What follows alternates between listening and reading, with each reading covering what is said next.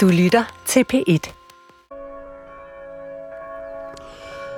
Velkommen til programmet Pilgrim, der jo gerne tager dig med ud på rejser ind i troens univers. Jeg hedder Anders Laugesen.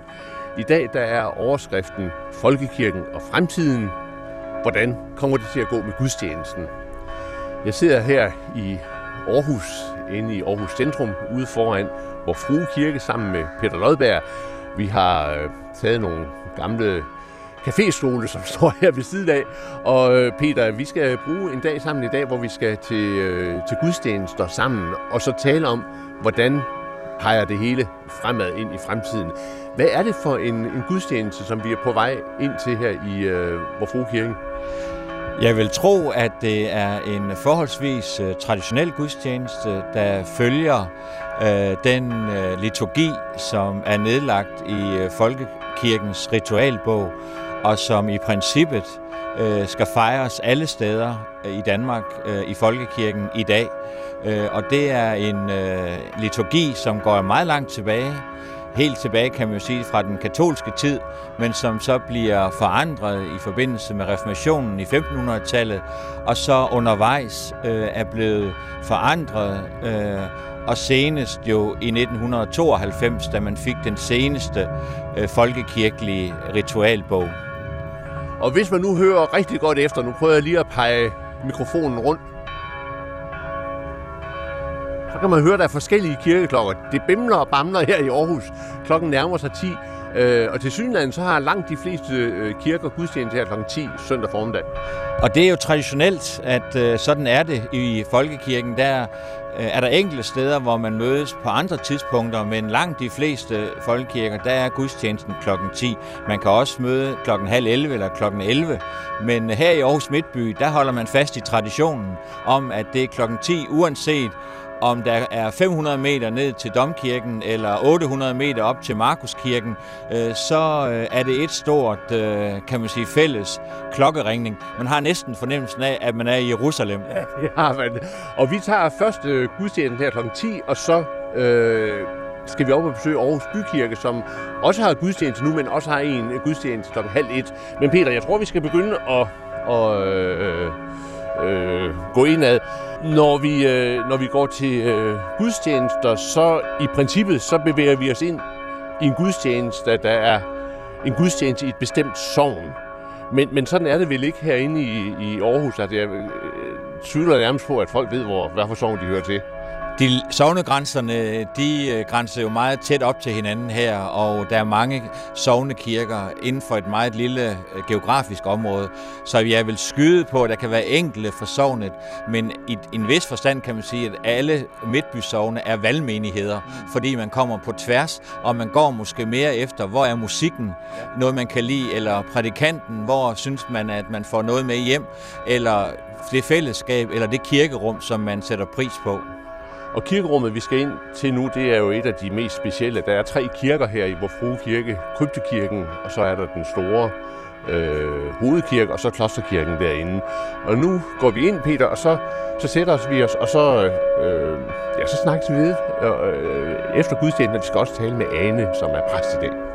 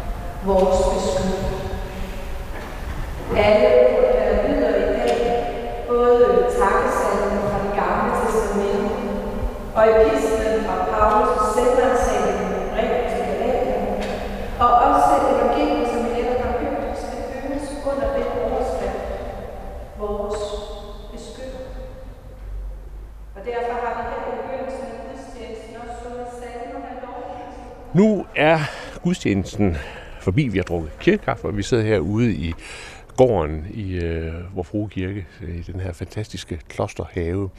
Øhm, og Ane, øh, det har været en, en, en traditionel gudstjeneste, den vi har, vi har været til. Ja, det har været en helt traditionel gudstjeneste, og så har det været en, en meget, meget lille gudstjeneste, fordi jeg har aldrig været her, hvor der har været så få. Øhm, vi har haft to meget, meget store. Vi har haft en sådan meget, øh, meget øh, sådan, øh, traditionelt forankret øh, kantategudstjeneste her i festugen, som vi altid har, og så har vi prøvet noget nyt og lavet en art gudstjeneste også. Og så i dag, der, der har jeg sådan glædet mig til, at nu skulle hverdagen og trinitatis-tiden og freden sænke sig. Det gjorde den bestemt også. ja. Men virkelig sådan øh, meget stille dagligdags gudstjeneste. Ja. Øhm, og, og, og hvis man sådan går ind og ser på forløbet af gudstjenesten, så er den jo også præget af øh, klassiske, rigtig gode salmer. Øh, en prædiken, der også er sådan øh, fuldstændig øh, lige efter bogen og rigtig sådan, hvad skal vi sige, altså det er en, man bliver klogere af at, at høre. Nå, men det er da godt, det er da godt at høre. Altså, jeg ville gerne prædike sådan fuldstændig, øh, på en måde traditionelt i dag. Øh, også fordi, at altså, jeg synes, øh, øh, den måde gudstjenesterne er på, de, de skal, det skal også afføde sig i, hvordan man prædiker. Mm.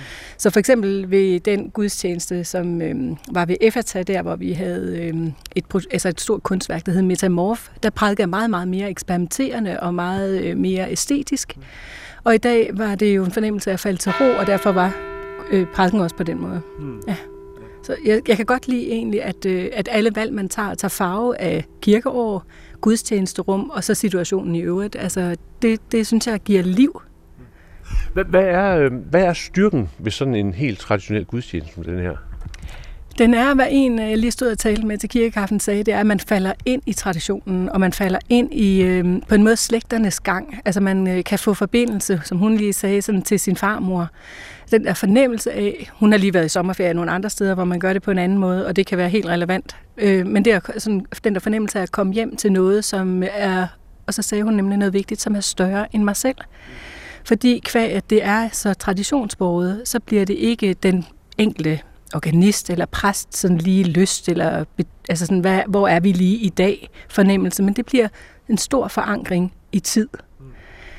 Det dermed ikke være sagt, at man ikke kan forandre noget. Jo, og måske mærkede I også, hvordan organisten i virkeligheden leger med det hele, var meget lejende i dag, og, og tog farve faktisk nogle af de ting, vi har arbejdet med under de sidste to gudstjenester. Det var ikke mig, der var liturg på kantategudstjenesten, men jeg var deltog, og vi har snakket om tingene. Øhm, så, øhm, så for eksempel det, at jeg siger bortstændelsesordene, mens hans musik lyder, jeg, det var ikke noget, vi havde aftalt, og han spillede lidt længere, men, men, men så falder det så ro sammen, fordi vi sanser hinanden og venter på hinanden og udfordrer hinanden i de der bitte små valg. Og det for mig gør det levende, øh, at jeg ligesom ikke bare øh, altså, falder, øh, altså er ligeglad eller ender i en eller anden ligegyldighed. Men jeg ved ikke, øh, hvordan I mærkede det. Øh, Peter, hvad, hvad, hvad siger du? du? Du er jo sådan en, der har gået til gudstjeneste hele dit liv. Ja, lige så længe jeg kan huske i hvert fald. Nogle gange, øh, fordi jeg gerne ville, og nogle gange, fordi jeg skulle. Så men sådan er det vel igennem et langt liv. Det, som jeg øh, lagde mærke til, og jeg synes, det var en dejlig gudstjeneste at, øh, at være med til, det var, at inden for den der lidt sådan stive ramme, som, som, som giver den der ro og genkendelighed, og fornemmelsen af, at man er en del af noget større, så var der alligevel også nogle nye bønder, jeg hørte i hvert fald øh, en ny øh, bøn i begyndelsen af gudstjenesten, den bøn, som man kalder kollektbønnen.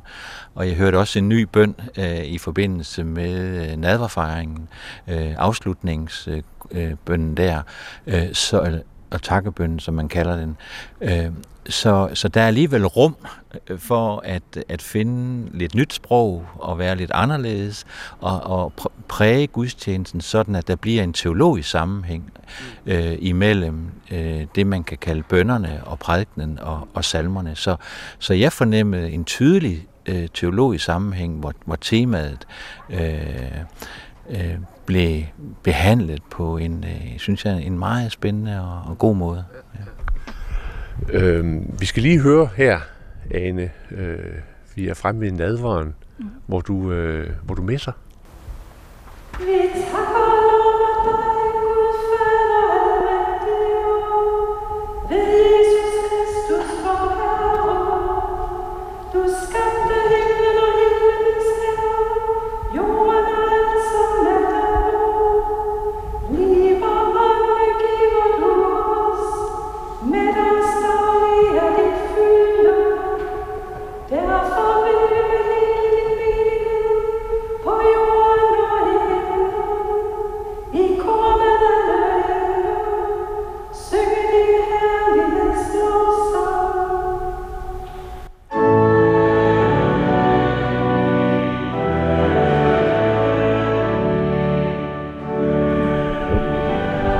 Altså, øh, jeg har ikke messet her det første år. Jeg har kun været her i halvandet år. Og, øhm, og det er jo et, øh, sådan, i forhold til Aarhus Land, der er et rigtig stort kirkerum, øh, som samtidig er sådan almindelig sovneagtig i forhold til Domkirken, jo, som er sådan voluminøs på alle niveauer.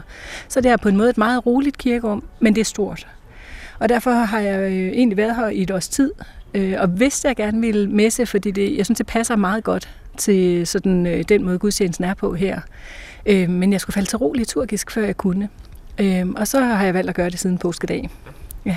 Og, øh, og jeg synes det, altså messe er en, øh, for mig en meget inderlig form, fordi det er jo ikke skønsang. Øh, og man messer ligesom med sit eget næb.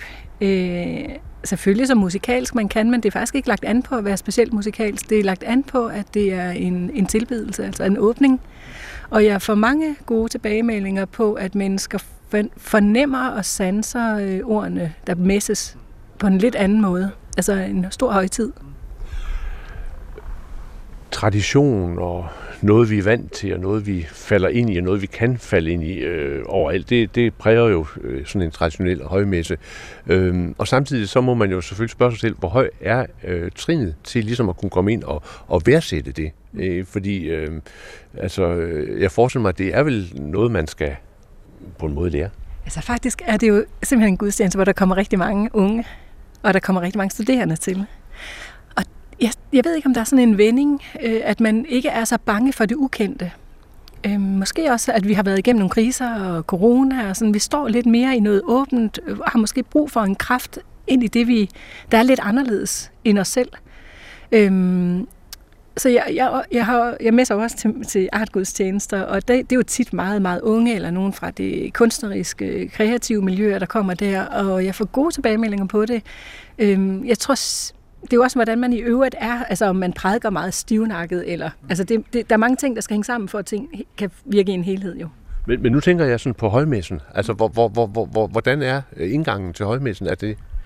Altså, jeg vil jo sige, at trinnet er højt. Altså, hvis vi øh, ser på de salmer, vi har sunget i, i dag, så var den yngste, den var fra 1945, øh, mens de fleste salmer var fra det 19. århundrede.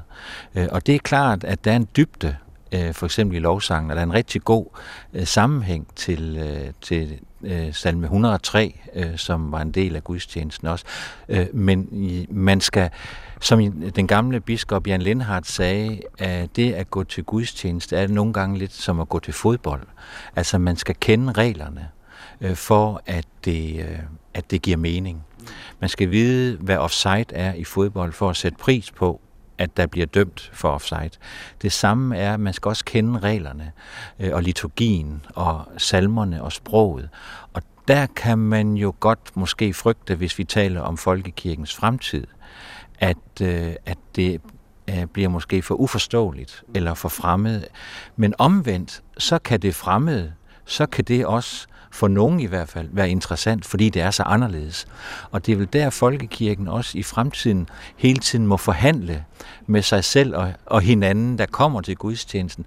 Hvor går grænsen mellem tradition og fornyelse? Fordi i dag var det egentlig på mange måder en meget konservativ liturgi og gammeldags liturgi, men der var det, jeg vil kalde en moderne teologi. Så der var, det var som om, at det konservative, det, det, det lå i liturgien, mens det moderne, det lå i det, som øh, Ane øh, bad øh, i de bønder, som var nye, og i, i sin forkyndelse, hvor hun jo søgte et nyt sprog. Øh, selvom der også der var rester af noget gammelt tidværvsk, fordi halvanden minut før den var færdig, så slår Ane over i du, og tiltaler os. Øh, indtil da havde det egentlig været et teologisk foredrag eller en refleksion over nogle eksegetiske bibelteologiske overvejelser.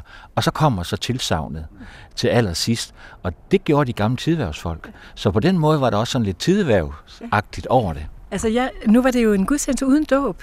Og, og der nogle gange, synes jeg, at det er dejligt at kunne give den faste menighed, så den ligesom øh, netop det der altså meget mere klassiske, og derfor også en, en lidt mere sådan, man kunne også kalde det en belæring øh, i prædiken. Og sådan. Det er egentlig ikke noget, jeg gør ret hyppigt. Men nu havde jeg lige haft alle de der dåb i går og hvilelser og sådan noget, og derfor vidste jeg, at det var uden dåb i dag. Og så kan man jo tilrettelægge det på den måde. Og der valgte jeg også et salmevalg i dag, som jeg selv betragter som kendte salmer.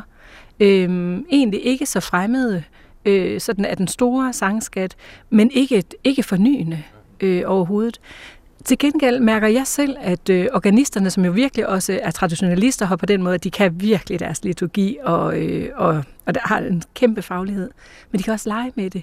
Og der øh, både, øh, både ved post og præludium, var der en, altså det er så levende til stede og, og optagte salmerne. Og hvis jeg lagde mærke til det, jeg ved ikke, om I kunne se det, men hele kantoriet stod simpelthen og fnisede, da Paul spillede, det Paul S. Jacobsen, øh, da han spillede på studium, fordi, fordi der tog han lige, øh, han tog stilejet helt ned i sådan noget lejende, meget sprødt musik, ikke?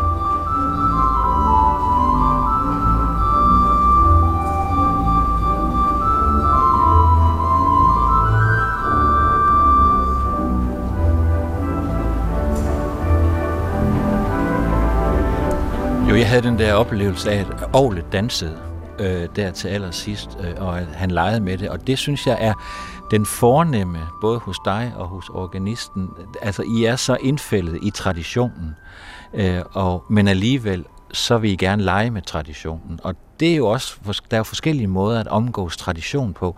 Der er nogen, der forbliver i den, så den bliver stiv og utilgængelig. Og der er andre, der hviler i den og kan få den til at leve, fordi at den at, at man har den der frihed øh, og sikkerhed i, øh, at, at det har et budskab, og det har et indhold, og det kan man godt. Mm. Spørgsmålet er jo, om, om det er det, som folkekirken kan og skal gøre også i fremtiden, eller om, om, om, men, om, om der kommer folk øh, til gudstjenesten og, og, og forbinder sig med det budskab. Det synes jeg er det, det, det spændende, den spændende udfordring. Ja, for, for et af spørgsmålene, øh, man jo altså må stille sig selv, det er, betyder det noget, hvor mange der er til en gudstjeneste? Nu, nu siger du, at vi ikke var ret mange i dag. Jeg tror, vi var 13-14 stykker, inklusive mig og Peter, ikke? og så var vi vel 8 ni øh, ansatte. Ikke? Altså, altså så, øh, betyder det noget, øh, hvor mange der kommer? Altså, det betyder helt sikkert noget, og jeg har aldrig nogensinde i den tid, har været, her, øh, været med til en gudstjeneste, hvor der var så få. Og det er selvfølgelig også i lyset af, at øh, alle mand af huse har været afsted de sidste to øh, søndage. Men, men det er faktisk et sovn, altså øh, der er jo 18.000 beboere her. Øhm, af dem er øh, knap 70 procent af mellem 20 og 35 år. Af dem er 90 procent medlemmer af Folkekirken. De kommer fra Vestjylland, ikke? Altså, de kommer udefra et kirkeliv. Og vi oplever egentlig Øhm, altså, vi, og vi oplever en, en ret stor søgning her. Øh, Hvor mange er der sådan normalt? Jamen altså, det kommer ind på, om der er dåb selvfølgelig. Tit. Jamen, altså, men uden dåb? Men uden dåb, der, der er vi en 50-60 stykker. Ja. Så, øh, og så til sådan nogle store gudstjenester er vi knap 1.500. Sådan på den måde.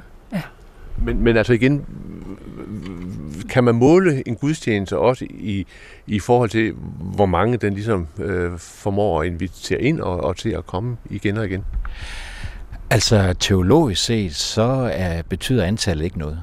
Altså fordi evangeliet skal forkyndes, og om der er to eller tre, der er forsamlet, så er der forkyndelse. Men det er klart, en Luthers gudstjeneste og en folkekirkelig gudstjeneste hviler jo på, at gudstjenesten ikke bare kan køres uden menighed. Ja. Fordi øh, det er i, i, i Luthers forstand og i folkekirkelig forstand, der er, øh, der er en gudstjeneste, menighedens gudstjeneste. Og præsten er så at sige ansat af menigheden til at varetage forkyndelse og dåb og nadver.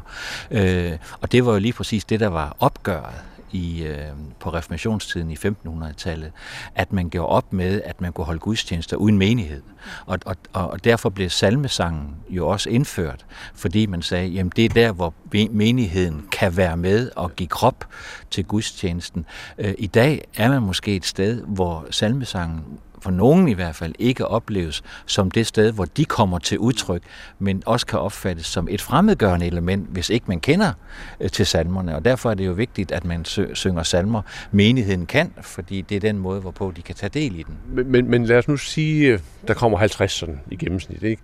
i sorgen på 18.000 mennesker. Er det et succeskriterie for, at gudstjenesten den ligesom er, øh, som den skal være?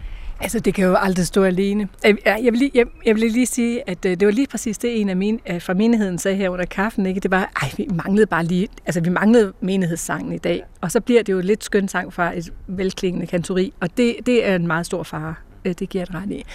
Man kan sige, at det, altså når man har et sovn, hvor der er så, så, øh, altså så mange mennesker, så, så, kan, så kan vi ikke have det som succeskriterie, at de alle sammen kommer i kirke. De fleste af dem skal jo altså i byen lørdag aften og ud og drikke nogle øl. Og det gjorde jeg simpelthen også selv, da jeg havde den alder, og det har jeg kæmpe respekt for. Så det kan aldrig, gudstjenestelivet kan aldrig stå alene, og derfor laver vi jo alle mulige andre ting. Blandt andet har vi natkirke anden torsdag i måneden, har haft det mange, mange år, og den er velbesøgt. Der, der kommer øh, folk under, sådan typisk under 40, øh, massevis til nadver. Det vi har oplevet der, er faktisk en, en for, forandring i det, i det rituelle, hvor folk før kom til enten det musikalske indslag, eller til den refleksion, vi har nede i krypten, så kommer folk mere massivt til nadveren og bliver til det hele.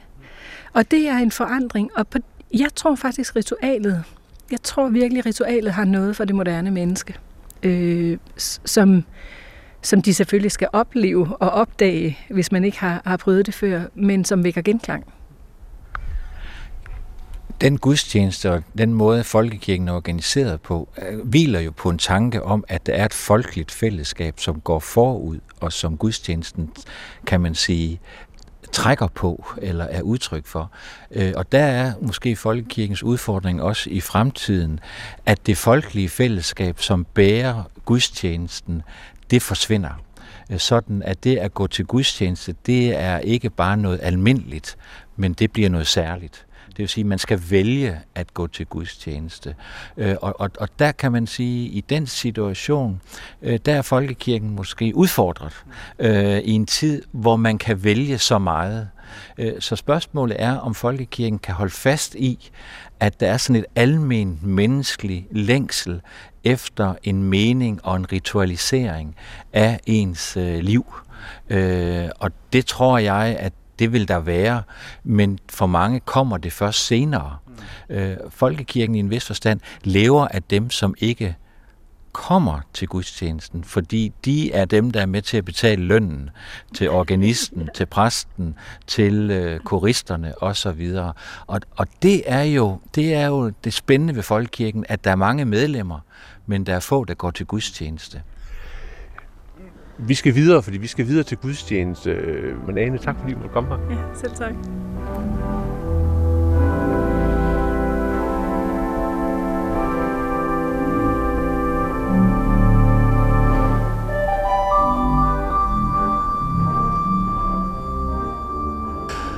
Peter Lodberg, nu har vi så vandret igennem Aarhus øh, bymidte, og så er vi kommet til Bramersgade, til øh, det gamle øh, missionshus, tror jeg det er. Øh, Ebenezer, tror jeg det hed. Og øh, ja, du havde et problem. Jeg havde et stort problem, fordi jeg øh, havde taget min cykel med. For jeg regnede med, at jeg kunne finde en, en plads til min cykel her i Bramersgade, men jeg skal da lige lov for, at at der er fyldt op med, med cykler langs øh, husmurene. Og det vandrer med, ved at ind med, med, med unge. Det er det sjældent, jeg har, har set. Så, ja. Min fornemmelse er egentlig, at øh, det er som om, at man skulle til fodbold ja. øh, på AGF-stadion ja. herude i øh, lidt syd for byen her. Men, ja. øh, men det ser ud som om, at det er et tilløbsstykke. Ja. Vi, vi må ind og se, hvad, hvad det er. Øhm, når, vi, når vi nu kommer, kommer ind her, så bliver vi budt velkommen. Goddag. Og... Goddag, goddag. Hej, hej. Ja, tak for det. I står og tager imod her. Simpelthen. Det Ja, ja. Kender I mange af dem, der kommer? Ja, det er som blandet, ja. egentlig. Det glæder os. Det var godt, ja. Man mærker jo med det samme, også med at man bliver budt velkommen ned ved døren, ja. at øh, det personlige møde spiller en vigtig rolle, og at man bliver set. Ja. Både hvis man er her for første gang, eller har kommet her mange gange, så er det sat i system, ja, det er det. hvordan man bliver mødt. Og så er der noget, jeg godt kan lide, nemlig duften af kaffe. Ja, det er som om, at der bliver drukket masser af kaffe øh, her. Der har jo allerede været en gudstjeneste i øh, formiddag, øh, en børnegudstjeneste, og nu kommer vi så til øh, gudstjenesten, og vi kommer ind, og så skal vi gå dag til Daniel, som er præst. Hej Daniel. Hej. Jamen, øh, det er meget Peter, der kommer. Ja. Så Jamen, vi, øh, vi snakker lidt bagefter. Det gør vi, simpelthen. Kan vi ikke godt sidde nede bagved? Jo. Vi sætter os ved siden af Henrik Højlund her. Ja, det kan jeg. Ja. ja. Peter, her, her er kirkekaffe før gudstjenesten. Skal vi... Øh... Ja, vi må hellere tage en kop. Ja.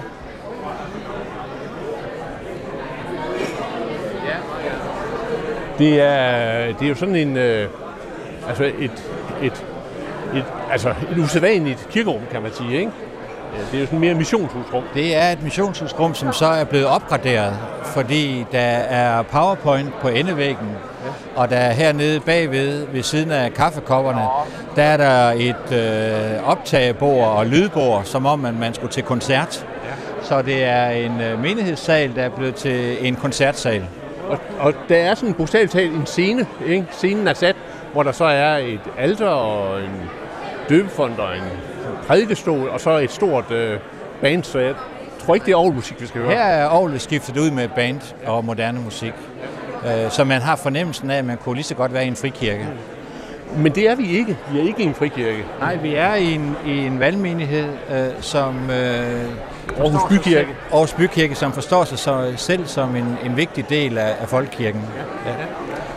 Øh, og, og er det ikke rigtigt, at, at øh, stedet her har rødder ind i Indre Mission? Det er oprindeligt uh, Indre Missions uh, missionshus. Jeg, jeg går lige hen til, jeg kan se, at en af kirkens præster, Henrik Højlund, som ikke er den, der er tur i dag, han sidder herinde. Jeg tror lige, jeg går hen og prikker ham på, på, på, på. Henrik øh, Højlund, hvem, hvem, hvem, hvem er det, hvem er det der, der, der kommer? Hvem er menigheden? Øh, når du kommer til den her 12-30 gudstjeneste, så er det rigtig meget unge mennesker. Hvis man kommer til 10 gudstjeneste, så er det meget børnefamilier, plus nogen øh, på min alder også. Ja. Ikke mange, men nogen. Ja. men det er altså meget en ungdoms. Ja, ungdoms. Ja. Øhm, hvordan er forbindelsen til Indre Mission i menigheden? Hmm, egentlig, hvad skal jeg sige, de fleste af dem, der kommer her i kirken, kommer ikke i Indre Mission. Altså langt, langt de fleste. Nogle enkelte gør, og, vi, og vi, man kan sige, at forbindelsen er jo den, at vi leger os ind i det her indremissionshus, Ebenezer. Øh, og så har vi, så har vi også et, et, en eller anden, jeg er virkelig dårlig til sådan noget, men vi har et link til Indre Mission, ligesom vi har til Evangelisk Luthers netværk og andre ting også. Øh, men anden forbindelse er der sådan set ikke. Hvad, hvad er det for en gudstjeneste, vi skal være med til om lidt?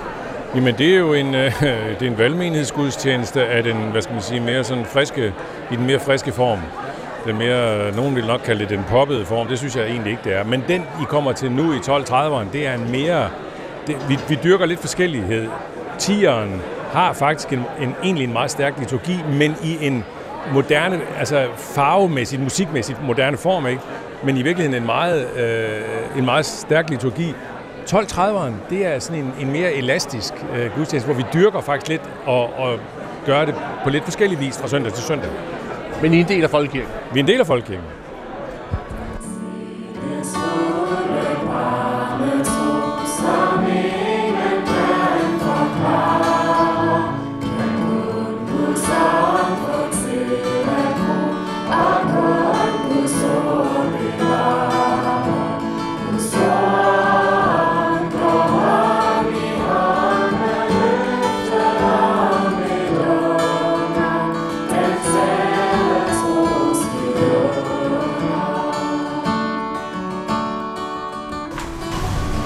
Noget være med jer, og fred fra Gud, vores Far og Herren Jesus Kristus. Og velkommen til gudstjeneste her i Aarhus Bykirke. Vi sidder lidt trangt, fordi der er så mange gæster i dag. Øhm, og så falder det lige sammen med, at vi er ved at få skiftet vinduerne. Så vi, vi er lidt udfordret på pladsen. Jeg håber, at øh, I kan være her alle sammen. Vi skal fejre dåb, så der er dåbsgæster. Og vi skal også høre en prædiken på engelsk af en armenier, der er kommet på besøg, og jeg vil introducere ham lidt senere. Og så har vi oven i købet også fået besøg af DR Radio, som laver noget lyd fra gudstjenesten. Det er altså ikke noget med billeder, og øh, jeg skal snakke lidt øh, med dem bagefter. Så der er, øh, ja, så er der sikkert også flere gæster.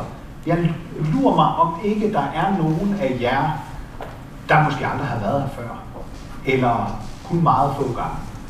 Og øh, I skal være hjertelig velkomne alle sammen. Og mens dåbsfamilien og faderne bevæger sig herop foran, for så har vi nemlig dåben til at begynde med, så, øh, så er der altså mulighed for lige at hilse på hinanden, der hvor man sidder. Øh, det synes jeg, I skal benytte jer af. Hils lige på hinanden og, og hør, hvordan det går, og øh, hvad I tager nemlig over lige for tiden, her i høsttid, hvor vi tænker på, hvad, hvad Gud har givet os. Hvor kommer du fra i verden? Øh, jamen, øh, jeg bor her i Aarhus Ja. og studerer. Ja.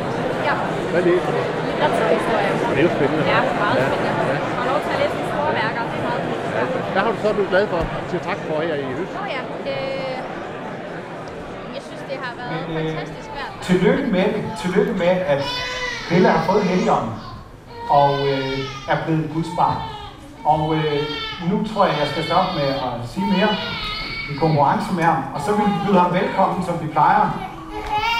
Velkommen, Pelle.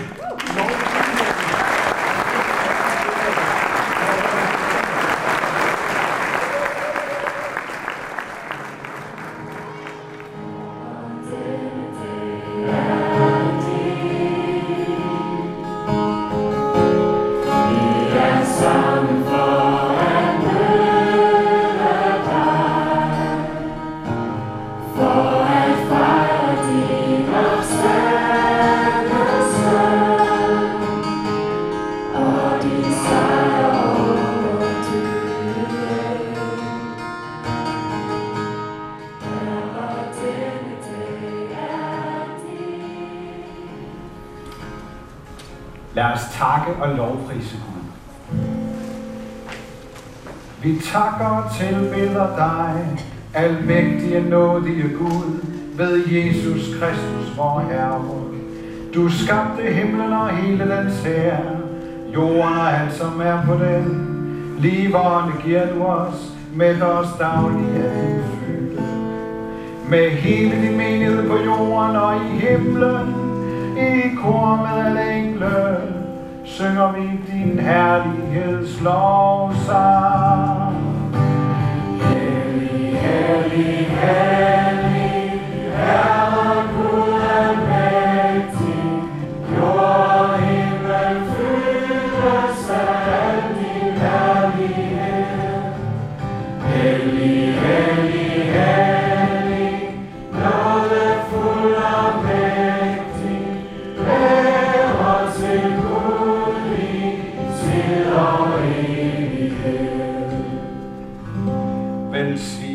hellig, Velsignet være han, som kommer i Herrens navn.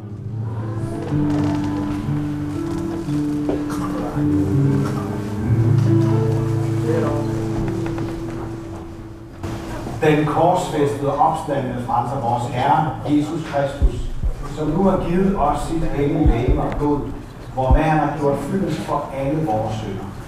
Han styrke og bevare os derved en sand tro til det evige. Fred være med jer. Giv alle godt og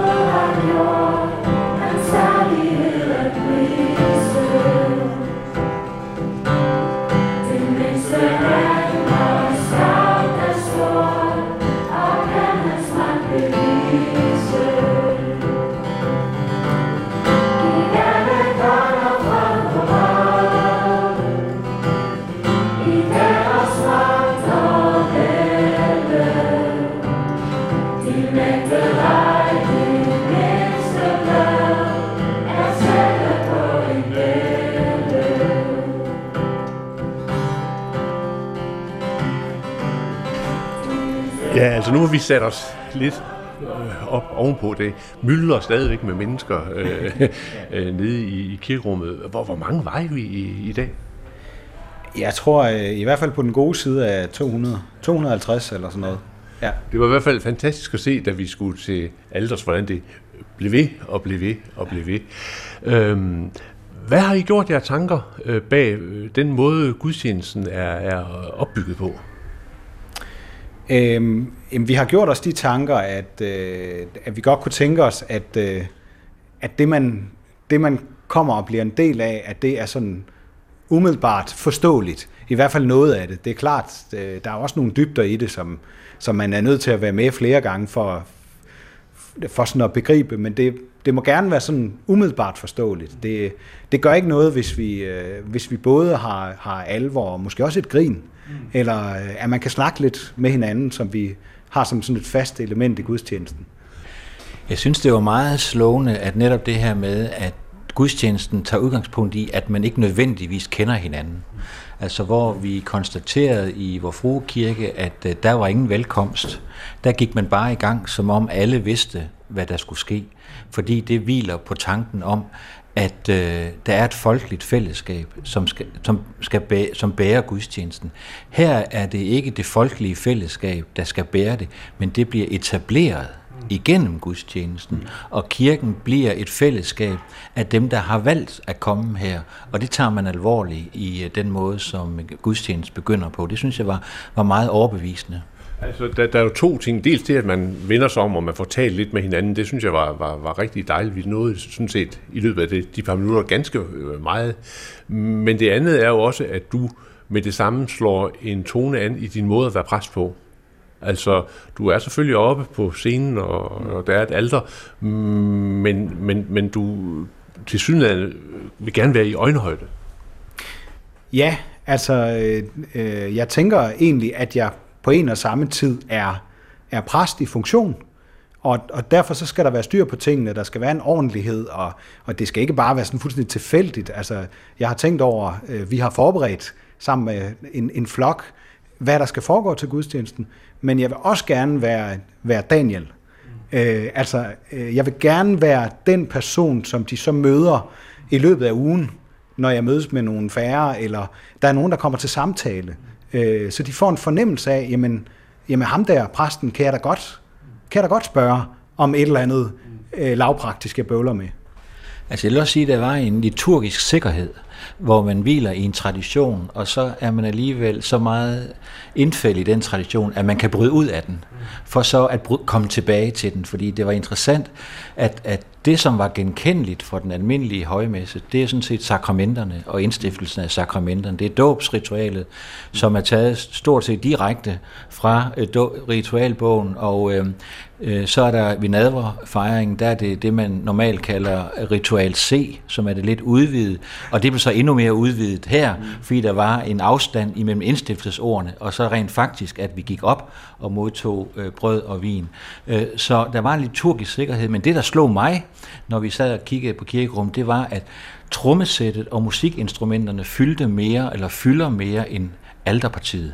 Mm. Altså det, er, det viser lidt om, hvad der er vigtigt her at det er den moderne musik. Øh, nu var det hele ikke i brug i dag, men, men det var helt tydeligt, at der var kvalitet i den musik, der var, øh, og de lovsange, som så blev sunget, det var så også en vigtig del af det musikalske udtryk. Vi sang jo ikke mange salmer fra salmebogen. Det kan være, at det var en tilfældighed i dag. Der var mange lovsange, som jeg går ud fra, er skrevet måske af folk her fra menigheden, men den eneste genkendelige salme, det var op al den ting, som Gud har gjort og den blev sunget på en ny og anderledes melodi, end den, der står, øh, den, der står i koralbogen. Så man, man, man tilpasser, og så udvikler, øh, men man er jo, så der er noget genkendeligt, og der er noget fremmed. Så, så det spændende er jo øh, brobygningen imellem, kan man sige, den her form for lidt friere gudstjeneste, men alligevel lidt konservativ gudstjeneste, mm. øh, og så på den anden side en øh, almindelig højmesse, som er, er, er, er meget traditionel. Øh, jeg tænker på unge mennesker, øh, lærer de egentlig at synge efter salmebogen her, eller er salmebogen noget, de bliver gjort fremmed overfor? Altså, øh, den første dåbsalme, vi sang, den, den har jeg skrevet, og den står faktisk i, i salmer.dk som en af de der nye salmer. Øhm, og ofte har vi, vi har også nogle gange øh, flere salmer. Jeg vil jo sige, i forhold til det der med at blive gjort fremmed over for det, så oplever jeg, at de fleste, der kommer her, er fremmedgjort over for salmerne. Så, så vores mulighed her, det er at hente nogle salmer ind, og øh, nogle gange har vi også to-tre. I højtiderne har vi måske fire-fem salmer, vi synger, fordi der trænger de sig på på en helt anden måde, øh, så vi simpelthen ikke kan lade være.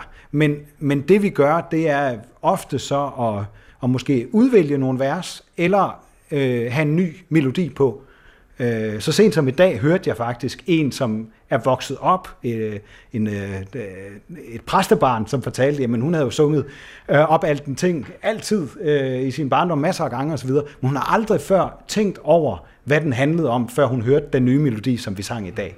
Så øh, det synes jeg var meget interessant. Men når vi nu er ved det der med salmer og lovsang, ikke, så kan man sige, at vi har været til en gudstjeneste med øh, sang, salmer, først og fremmest fra, fra øh, 1800-tallet faktisk, ikke? altså 1900. Øh, salmer, som var poetisk meget fortættede, øh, tunge også, og for os, der har sunget dem ind, fyldt med, med sådan aha-oplevelser i det poetiske sprog. Øh, når, når jeg kommer og ser øh, de her lovsange her, så tænker jeg, øh, det, det er jo altså, det er en anden øh, form for øh, salmesang simpelthen. Altså, hvad, hvad tænker du, Peter? Jamen, jeg tænker, at de her salmer taler jo til mennesker, som ikke nødvendigvis kender salmer i forvejen. Øh, og dermed opfylder de jo et formål, at, nemlig at man, man, man øh, får sunget nogle salmer, som har et indhold. Men jeg vil også sige, at det slår mig, at øh, de må være vokset ud af vækkelsestraditionen, fordi der er et meget stærkt element af jeg-du, og hvordan jeg føler det, og hvordan jeg følger efter Kristus. Og der bliver også talt på et tidspunkt om, om øh, Kristi blod, der flyder ud over jorden. Mm. Øh, så der er mange sådan elementer, som man vil kende fra den gamle vækkelsestradition, som så bliver fornyet her, og lige pludselig viser sig, at tiltale mange unge mennesker, som måske kommer øh, helt, et helt andet sted fra, end fra den kirkelige tradition. Men, men på en eller anden måde, så, så, så, så oplever jeg måske de der øh, lovsange, som vi synger i dag, øh, som sange, der egentlig har et ganske højt øh, trin ind, fordi man, man ligesom på forhånd måske skal kunne identificere sig med en tro. Altså det, det, det, det er sange, det er lovsange, der er sunget ud af en, en, en tro, som man har et forhold til, hvorimod man kan sige, at salmebogen har, så det, at, at, at ordet er så uforståelige for mange, at, at det, der, kan, der kan alle på en måde være, være med. Hvad, hvad, hvad tænker I om, om den øh, sådan, hvad skal sige, overvejelse? Ja, eller også er ingen med nogle gange med de gamle salmer, ikke? fordi vi, vi forstår dem ikke umiddelbart. Øh, jeg kan bare sige, at vores erfaring er fra øh, vores alfa-kurser, altså kristendomskurser, hvor, hvor der kommer en hel del, som ikke er fra nogen kirkelig tradition der er det i virkeligheden nogle af de der enkle sange, som, som, øh, som de først øh, begynder at lære og sætte pris på, fordi de netop er, er enkle, og de er, øh, og de er personlige. Og jeg tror faktisk også, der er noget, øh, der er også noget generation i det, hvor, øh, hvor vi i, i min generation og jeres generation øh, var, var, var bange for, at det blev personligt. Øh, der er min oplevelse i, ved at være præst i en ung menighed, at, at der sker noget med det. Det er faktisk okay at være personlig. Det, det er okay at sætte, sætte store personlige ord på. Øh, og, og, det, og det er fint nok at være i, også selvom man ikke selv tror på det. Så kan man sige, jamen, jamen jeg tror på noget andet. Men, men fint for dig, du kommer i den her kirke, og du sætter de der ord på. Øh, og det, det synes jeg er spændende. Og, og dermed synes jeg, det er meget interessant, at øh, lige præcis de her lovsange, øh, og den, kan man sige, åndelighed, der trives øh, i, i, i Aarhus Bykirke, på mange måder flugter med den individualisme, som vi oplever i samfundet. Mm. Hvor, så, hvor vi er jo i, midt i en periode, hvor øh, vi er på vej måske hen imod et fællesskab, mm. øh, men, men vi er stærkt optaget af os selv og vores egen identitet, og hvor hører jeg til, og hvad er meningen med mit liv, og hvad skal jeg? Og jeg, jeg, jeg synes også, det er interessant, at det er unge mennesker, der ligger lige der i begyndelsen af 20'erne, så det ud til, som er i færd med at finde ud af et nyt studiested, et nyt arbejdssted. Hvem er jeg? Jeg skal finde en partner eller en ægtefælle. Altså, man er i opbrud. Og, og der bliver spørgsmålet om, om, hvem er jeg som menneske, og mit forhold til hinanden og til Gud, der kommer, bliver det helt centralt.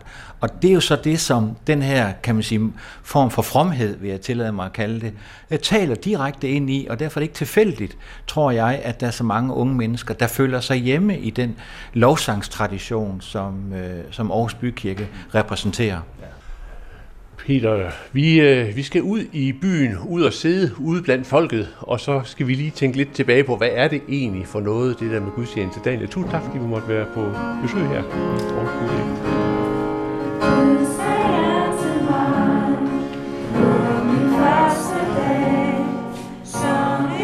Peter Lodberg, nu er det blevet sidst på eftermiddagen. Vi har været til gudstjenester, og så har vi lige fået os en kop kaffe. Og nu sidder vi her i Rådhusparken i centrum af Aarhus. Jeg synes altså, det har været en sjov, sjov dag.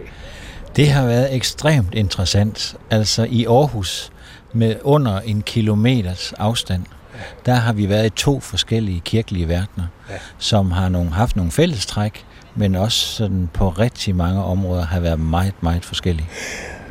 Hvilke spørgsmål synes du, de to gudstjenester, vi har, har været til åbner i forhold til det hovedspørgsmål, som vi to jo har beskæftiget os med i løbet af året, nemlig folkekirkens fremtid? Jamen, det er spørgsmålet, hvad er det for en fremtid? Fordi hvis man siger, at gudstjenesten i vores frue kirke er fremtidens gudstjeneste, så er det en gudstjeneste, der hviler på, at der er et folkeligt fællesskab i forvejen. Ja. Hvorimod, at den gudstjeneste, vi oplevede i Aarhus Bykirke, de har taget konsekvensen af deres synspunkt om, at sammenhængen mellem folk og kirke, især mellem unge og kirke, er brudt sammen. Ja. Og at øh, folkekirken står i en helt ny pædagogisk, og man kunne også kalde det øh, missionarisk situation over for en generation, mm. som har mistet sansen og indholdet af, hvad går kristendom egentlig ud på øh, for dem selv som personer, men også sådan mere grundlæggende. Og, og kan man så sige det ene synspunkt, nemlig at øh, øh, folkekirkens øh, højmesse er udtryk for den folkelige øh, sammenhæng, fordi folk er jo medlem af folkekirken. Ikke? Det er ligesom det ene synspunkt. Ikke? Det er det synspunkt, at, at det går jo godt, som det gør, og vi skal ikke lave ret meget om. Hvis vi overhovedet skal, så skal vi justere, og det er de små skridts politik, fordi at vi skal ikke ødelægge noget, der fungerer i forvejen. Okay. Og det er jo en tolkning og en, og en tilgang, som jeg tror i mange steder i, i folkekirken, ikke mindst i folkekirkens ledelse, at øh, det holder man i hævd. Mm. Hvorimod øh, den opfattelse, som Aarhus Bykirke repræsenterer, øh, nemlig at det er gået i stykker, og at det skal reetableres, og at man må gøre nogle helt andre ting for at reetablere forhold mellem ikke mindst unge og, og, og kirken, at øh, det bliver betragtet som et minoritetssynspunkt og lidt som et outsidersynspunkt. Ja. Øhm, gudstjenesten, som vi mødte nede i øh, vor Frue den traditionelle højmesse, er jo øh, i en eller anden forstand også i en forandringsproces. Der har været nogle store øh, arbejder omkring øh, gudstjeneste, fornyelse og liturgi og dåb og nadver og så videre. Øhm, men det er vel ikke revolutioner, vi taler om? Nej, altså det er i hvert fald ikke det, der til synligheden er lagt op til. Altså man kan jo spørge, øh, om det overhovedet længere giver mening at autorisere en, to eller tre sådan særlige liturgier, som er folkekirkens gudstjeneste form, og det skal man holde sig til. Altså hele tanken om, at folkekirken er en, mm. som kan fejre den samme gudstjeneste alle steder på samme tid. Det er jo den, som vi inden for en kilometers afstand her i Aarhus har set udfordret, øh, og har, har sagt, det, det, det går bare ikke længere, fordi som præsten i Aarhus Bykirke øh, sagde, jamen vi oplever, at folk, de ved ikke engang, hvad det er, de har forladt. Mm. Øh, og det er jo to forskellige verdener. Men man kan sige, at, at tanken bag øh, folkekirkens højmesse er jo så også, at man kan komme fra Haderslev, og så kan man gå øh, til gudstjeneste her, og så finder man noget, der er dybt genkendeligt. Ikke? Altså, det er jo en måde at insistere på, jamen vi er en kirke. Bestemt, og, og det er jo også vigtigt, at der er nogle genkendelige træk, og det var der jo så også midt i mangfoldigheden, mm. fordi der var den samme dåbsliturgi, der var den samme nadverliturgi, og øh, der var salmesang, mm. der blev samlet ind, kollekten ved, ved, ved begge gudstjenester. Det ene sted, i, blev der bare lige henvist til, at det var Folkekirkens nødvalg, man kunne styre, eller man kunne, øh, man kunne betale til at støtte, mens det i Aarhus Bykirke, der blev det foldet ud gennem tilstedeværelse af en repræsentant fra Dansk Armenier Mission. Så, så, så man var heller ikke i tvivl om, at det var en kristen gudstjeneste. Der var, der var fader vor mm. øh, begge steder, der var tekstlæsninger begge steder, men hele rammen og formen, øh, altså, og formen følelsen, var forskellig. Følelsen var, var meget forskellig. Altså åndeligheden eller fromhedsfornemmelsen var, var meget, meget forskellig. Øh, hvis, man, hvis man ser ud over, over folkekirkens måde at, at ligesom rammesætte sig selv på, så øh, har opretholdelsen af gudstjenester øh, i kirkerne øh, søndag formiddag jo en meget, meget høj prioritet. Altså ansættelser, øh, måden man ligesom prioriterer ressourcerne på, øh, gør, at, at, at øh, søndagsgudstjenesten, det er øh, toppen af poppen, og det, det, altså, det er virkelig vigtigt. Altså det er i hvert fald i den teologiske selvbevidsthed, og måske også for nogen i den praktiske selvbevidsthed, der er det omdrejningspunktet i sovnens øh, liv. Men man må bare sige, at virkeligheden mange steder er en anden. At der kommer flere mennesker i kirken fra mandag til lørdag, mm. end der gør søndag formiddag. Så, så hverdags kirken omfatter måske flere mennesker end dem, der kommer til søndagsgudstjenesten. Nu bruges der jo rundt omkring i, øh, øh, i Danmark mange, mange ressourcer på at opretholde søndagsgudstjenester i rigtig mange kirker. Og øh, der er også mange kirker, hvor der ikke øh, er så forfærdeligt mange mennesker øh, til stede. Måske er der ved ikke, en procent af danskerne, og der omkring halvanden procent, der, der går i kirke øh, i løbet af en, en, en søndag. Og der kan man jo godt spørge også, at det den måde at bygge kirker på i fremtiden, at man altså vælger at bruge øh, en stor øh, portion af sine ressourcer på at opretholde et ritual, der ligger øh, et tidspunkt, hvor mange gerne vil sove længe, og, og hvad ved jeg ikke, altså... Øh jo, i hvert fald jo, øh, den gudstjeneste, vi var til i Aarhus Bykirke, det var 12.30. Ja. Så de har i hvert fald taget konsekvensen af, at mange unge mennesker måske har været ude lørdagen i forvejen, og så længe søndag formiddag. Mm. Øh, og øh, så på den måde har de taget konsekvensen. Men jeg, jeg synes, at det er et meget vigtigt spørgsmål, om Folkekirken bruger sine ressourcer rigtigt ved at opretholde en, det, man kunne kalde gudstjenester alle steder på samme måde. Mm. Altså om det ideal, der ligger bagved, om det ikke ikke, altså det er ikke længere øh, en virkelighed, men det er en ønsket virkelighed, mm. øh, som, som, øh, hvor man foregiver, at, at der er en identitet mellem folk og nation og stat og kirke, som bare ikke er der længere, og at der er en folkelighed, som er intakt, mm. som kan bære folkekirken. Øh, det, det synes jeg, man er nødt til, og man kan blive tvunget til mm. at indrømme, at det ikke er, som det er, hvis, øh, hvis folk øh, øh, bliver ved med at øh, ikke at være medlem af folkekirken, og, mm. og dermed falder jo så ja. øh, den øko, de økonomiske muligheder. Fordi mm. den måde at strukturere sig på i dag, er jo kun fordi man har mange steder en god økonomi. Mm. Hvis vi nu lige vender tilbage til overskriften Folkekirken og, og, og, og fremtiden. Øh, hvad tror du, Peter Lodberg, er et realistisk bud på øh, gudstjenestens fremtid i Folkekirken? Jeg tror, vi kommer til at opleve mange forskellige former for gudstjeneste. Jeg tror, vi kommer til at, op, øh, til at møde gudstjenesten på mange forskellige tidspunkter. Og jeg tror, vi kommer til at endnu mere at møde gudstjenesten, som taler ind i bestemte situation, livssituationer, mm. sådan at tanken om den ene gudstjeneste, den ene højmesse, den tror jeg, man bliver nødt til at forlade. Det var her dr. Theol, professor emeritus Peter Lodberg, som jeg havde talt med. Vi havde først været til gudstjeneste i Vor Frue Kirke i Aarhus. Der talte vi med sovnepræst Ane Ørgaard Bramtoft, og derefter var vi til gudstjeneste i Aarhus Bykirke, hvor vi talte med valgmenighedspræst Daniel Søgaard Lind. Her er der Anders Laugesen, der siger tak, fordi du lyttede med, og forhåbentlig på genhør om en uges tid. Gå på opdagelse i alle DR's podcast og radioprogrammer. I appen DR Lyd.